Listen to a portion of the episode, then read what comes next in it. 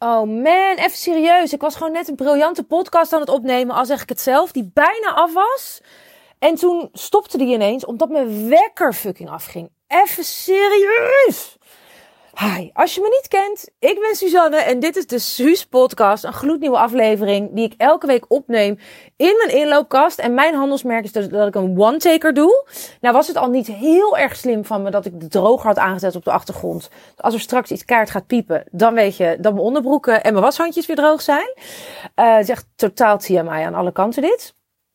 Oh shit, zo irritant. Want ik zat er echt helemaal lekker in net. Ik was echt bijna klaar met mijn punt maken. Maar goed, ik ga er maar vanuit dat het met een reden is. En dat ik dus iets anders waarschijnlijk nu ga delen dan net. En dat dit precies de podcast is die jij moet horen vandaag. Mm. Ik deelde dat ik vandaag een masterclass heb afgezegd voor de vrouw in mijn Feminine Leadership Academy. Ik geef wekelijks een uh, online masterclass via Zoom. Het is een soort Skype. En vandaag voelde ik zoveel weerstand om hem te geven. En dat voelde ik al een paar dagen. En nou was dat niet weerstand van, goh, ik heb even niet zoveel zin. En ik doe liever uh, het hele nieuwe seizoen Grace Frankie binge-watchen. Nee, dat voelde echt als een soort knoop weerstand in mijn maag. Waarbij ik voelde, dit is niet het juiste moment. Ik merkte het al vanmorgen dat ik mezelf ging uh, klaarmaken en uh, mijn haar had gewassen. En dacht van oké, dan ga ik nu helemaal mooi krullen zetten en me mooi maken en alles. En ik was niet vooruit te trappen en ik had eigenlijk alleen maar zin in mijn joggingpak. Weet je, dat ken je misschien wel. Dat je denkt, oh, ik ben me aan het, aan het klaarmaken en opdirken, maar eigenlijk heb ik maar geen zin. Nou, dat had ik dus vanmorgen. En uiteindelijk, uh, mijn masterclass was om vier uur vanmiddag. En om één uur voelde ik, nee, ik, ik wil hem echt niet doen. Ik ben nu echt door weerstand heen aan het pushen.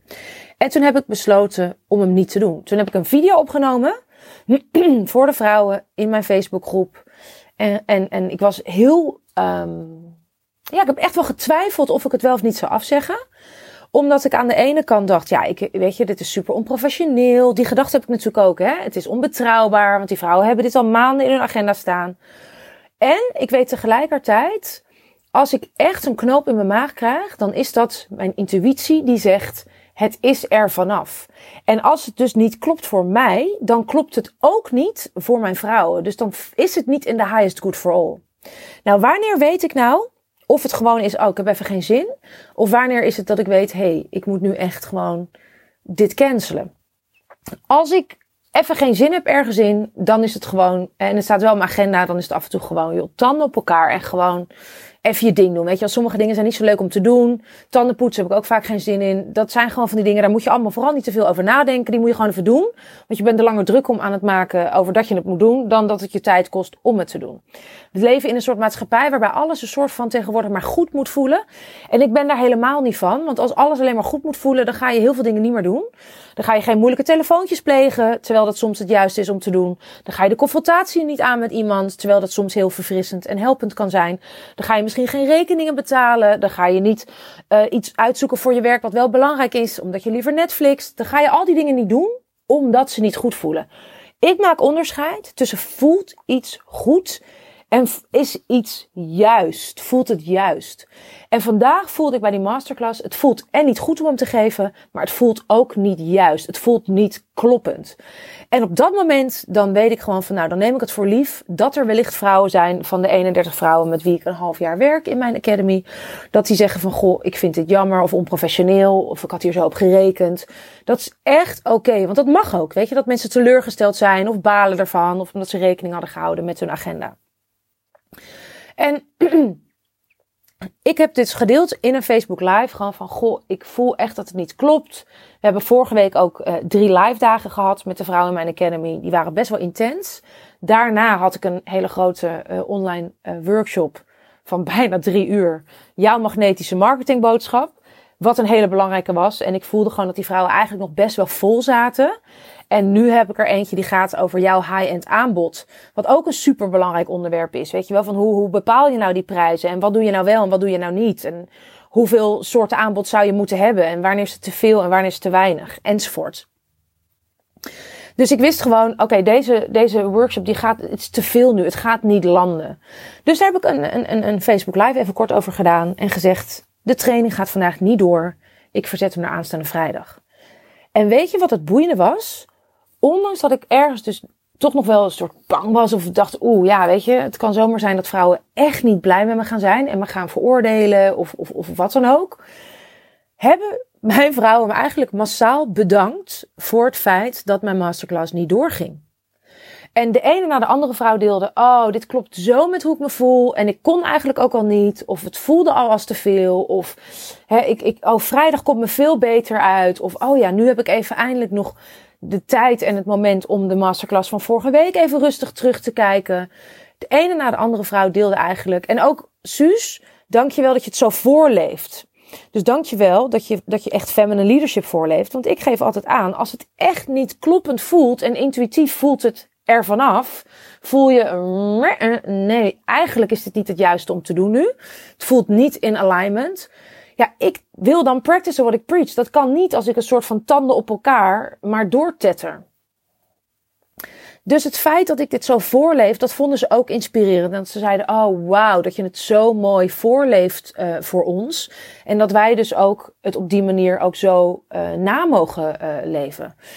En dat is eigenlijk mijn boodschap voor vandaag. Dus waar geef jij jezelf nog niet helemaal de toestemming om, om business on your terms te doen? Om te zeggen, hey, dit voelt niet meer kloppend. Ik heb misschien wel dit beloofd. En ik voel dat ik er misschien wel op terug wil komen. Maar ik ben bang hè, dat, ik, dat ik vrouwen teleurstel. Of dat mijn klanten niet blij met me zijn. Of naar iemand anders gaan. Of wat dan ook. Als je het echt vanuit je power kunt claimen en kunt doen dan maakt het niet uit welke afspraak je afzegt, zakelijk of privé. Want dan klopt het, dan ben je zo ingetuned op jezelf en op het grotere geheel. Dan kunnen mensen het misschien nog niet leuk vinden, maar ze zullen altijd wel respect hebben voor de keuze die je maakt. En mijn vrouwen, die zijn zelfs zo vol vertrouwen dat ze weten van ik, hè, Suus overdelivert altijd. Dat doe ik ook. Ik bedoel, als iemand mij iets betaalt, dan minstens keer 10, maar meestal keer 100 lever ik de waarde van wat je me betaald hebt. Ik wil dat echt voor mezelf heel goed, um, ja, weet je, wil ik, wil ik dat uh, helder kunnen hebben. Wil ik gewoon kunnen zeggen, je krijgt zo achterlijk veel waarde dat je denkt, wow, dit is veel meer dan ik ooit betaald heb. Dat vind ik zelf heel prettig. En mijn vrouwen die vertrouwen me dus volledig dat ook als ik had gezegd, dat weet ik gewoon, ik zeg hem af en ik verzet hem helemaal niet. Dan hadden ze gezegd, Suus, het is oké. Okay. Omdat ze zo voelen dat ik hun best interest at heart heb. En als mensen dat bij jou ook voelen, weet dan dat je je echt wel iets kunt permitteren. Niet natuurlijk als je de hele tijd maar het ene ding na het andere afzegt. Maar waar ben jij dus een soort van aan het doorpushen? Omdat je bang bent dat je dus onprofessioneel uh, overkomt of iemand teleurstelt of wat dan ook. Terwijl je eigenlijk al je alarmbellen voelt rinkelen en voelt, dit klopt niet. Ik wil hierop terugkomen. En weet dan, als jij een afspraak uh, hebt bijvoorbeeld met een vriendin of met een klant en je voelt dat je die wil afzeggen of verzetten, je voelt echt intuïtief van, oh ja, dat zou echt een goed idee zijn. Dat het waarschijnlijk voor die ander ook een goed idee is. Om het op een ander moment te doen. Ook al weet diegene misschien dat zelf niet. Dus het is niet alleen je recht, maar ook je plicht om naar die intuïtie te luisteren.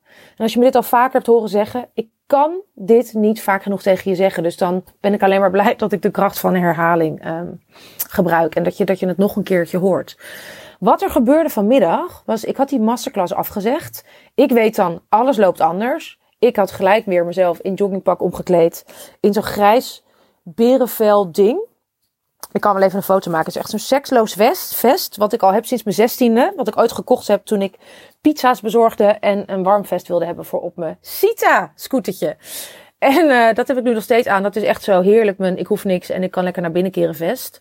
Heerlijk vind ik die. En iedereen ook die me kent, ik ben nu 40, die weet dus uh, hoe lang dit, dit, vel, dit vest valt echt bijna uit elkaar. Maar nog steeds heb ik die altijd als liefste uh, aan. Zeg mijn lievelings als ik thuis ben.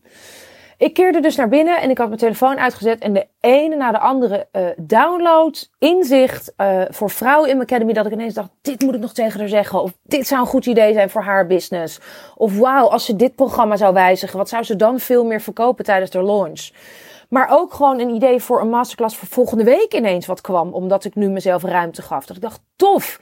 In plaats van volgende week een masterclass doe ik een Suus orakelsessie. Waarbij ik gewoon ga intunen. En voor die vrouwen ga downloaden. En daar ruimte voor maak. Waar, waar ze altijd super blij mee zijn.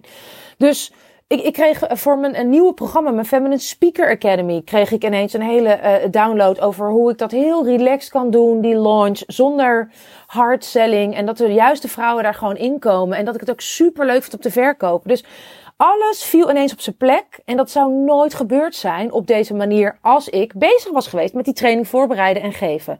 Dus daarom was het kloppend voor mij en voor iedereen dat ik die training op dit moment niet gaf.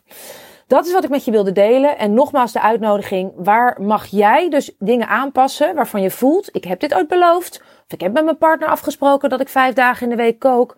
Of ik heb tegen mijn vriendinnen gezegd uh, dat ik drie dagen in de week op de kinderen pas. Of ik heb met mijn klant afgesproken dat ze drie VIP-sessies in de maand krijgen, maar het klopt niet meer. En waar mag jij jezelf nu officieel toestaan om op die afspraak terug te komen als die niet meer goed en niet meer juist en kloppend voelt. Het moet echt die combi van die twee zijn. Dus als het niet meer goed voelt alleen, dan kan het nog steeds het juiste zijn om te doen. Maar als het niet goed en niet juist voelt, dat je echt voelt, nee, dit voelt niet meer kloppend, dan is dat jouw nudge, het universum dat tegen jou zegt, aan de bel trekken en je mag, iets, je mag hierop terugkomen. Je mag iets anders beslissen. Ik ben heel, heel, heel benieuwd. Laat het me weten op Insta, Suzanne Beukema, wat het is voor jou en of ik iets voor je kan doen. En ik ben heel, heel, heel dankbaar als je onder deze podcast een review wil achterlaten. Dus als je op iTunes luistert en je wordt blij van wat ik deel. Heel veel vrouwen die appen mij of die sturen mij een berichtje, wat ik super tof vind. En ik ben ook echt mega blij als je dat wil. Als je je dankbaarheid wil uiten in vijf sterretjes geven. Als je gewoon helemaal naar beneden scrolt bij deze podcast. En even in één zinnetje wat jij er voor jou uit hebt gehaald en waarom je deze podcast aanraadt. Ik ben altijd best wel verbaasd over hoe weinig mensen dat doen. Um, terwijl ook als ik bij, mijn coach wel eens hoor, die dan voor tienduizenden vrouwen een challenge heeft gedaan en heeft gezegd van, goh, kan iemand misschien eventjes uh, delen en dat ze dan drie reacties krijgt, dan schrik ik soms, want dan denk ik, wauw, weet je, laten we elkaar ook een beetje helpen.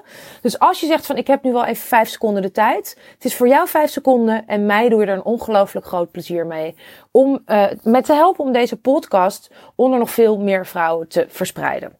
Dat is wat ik tegen je wilde zeggen. Ik wens jou een magisch mooie dag. En ik zie je heel graag volgende week bij de volgende Suus podcast. Hoi!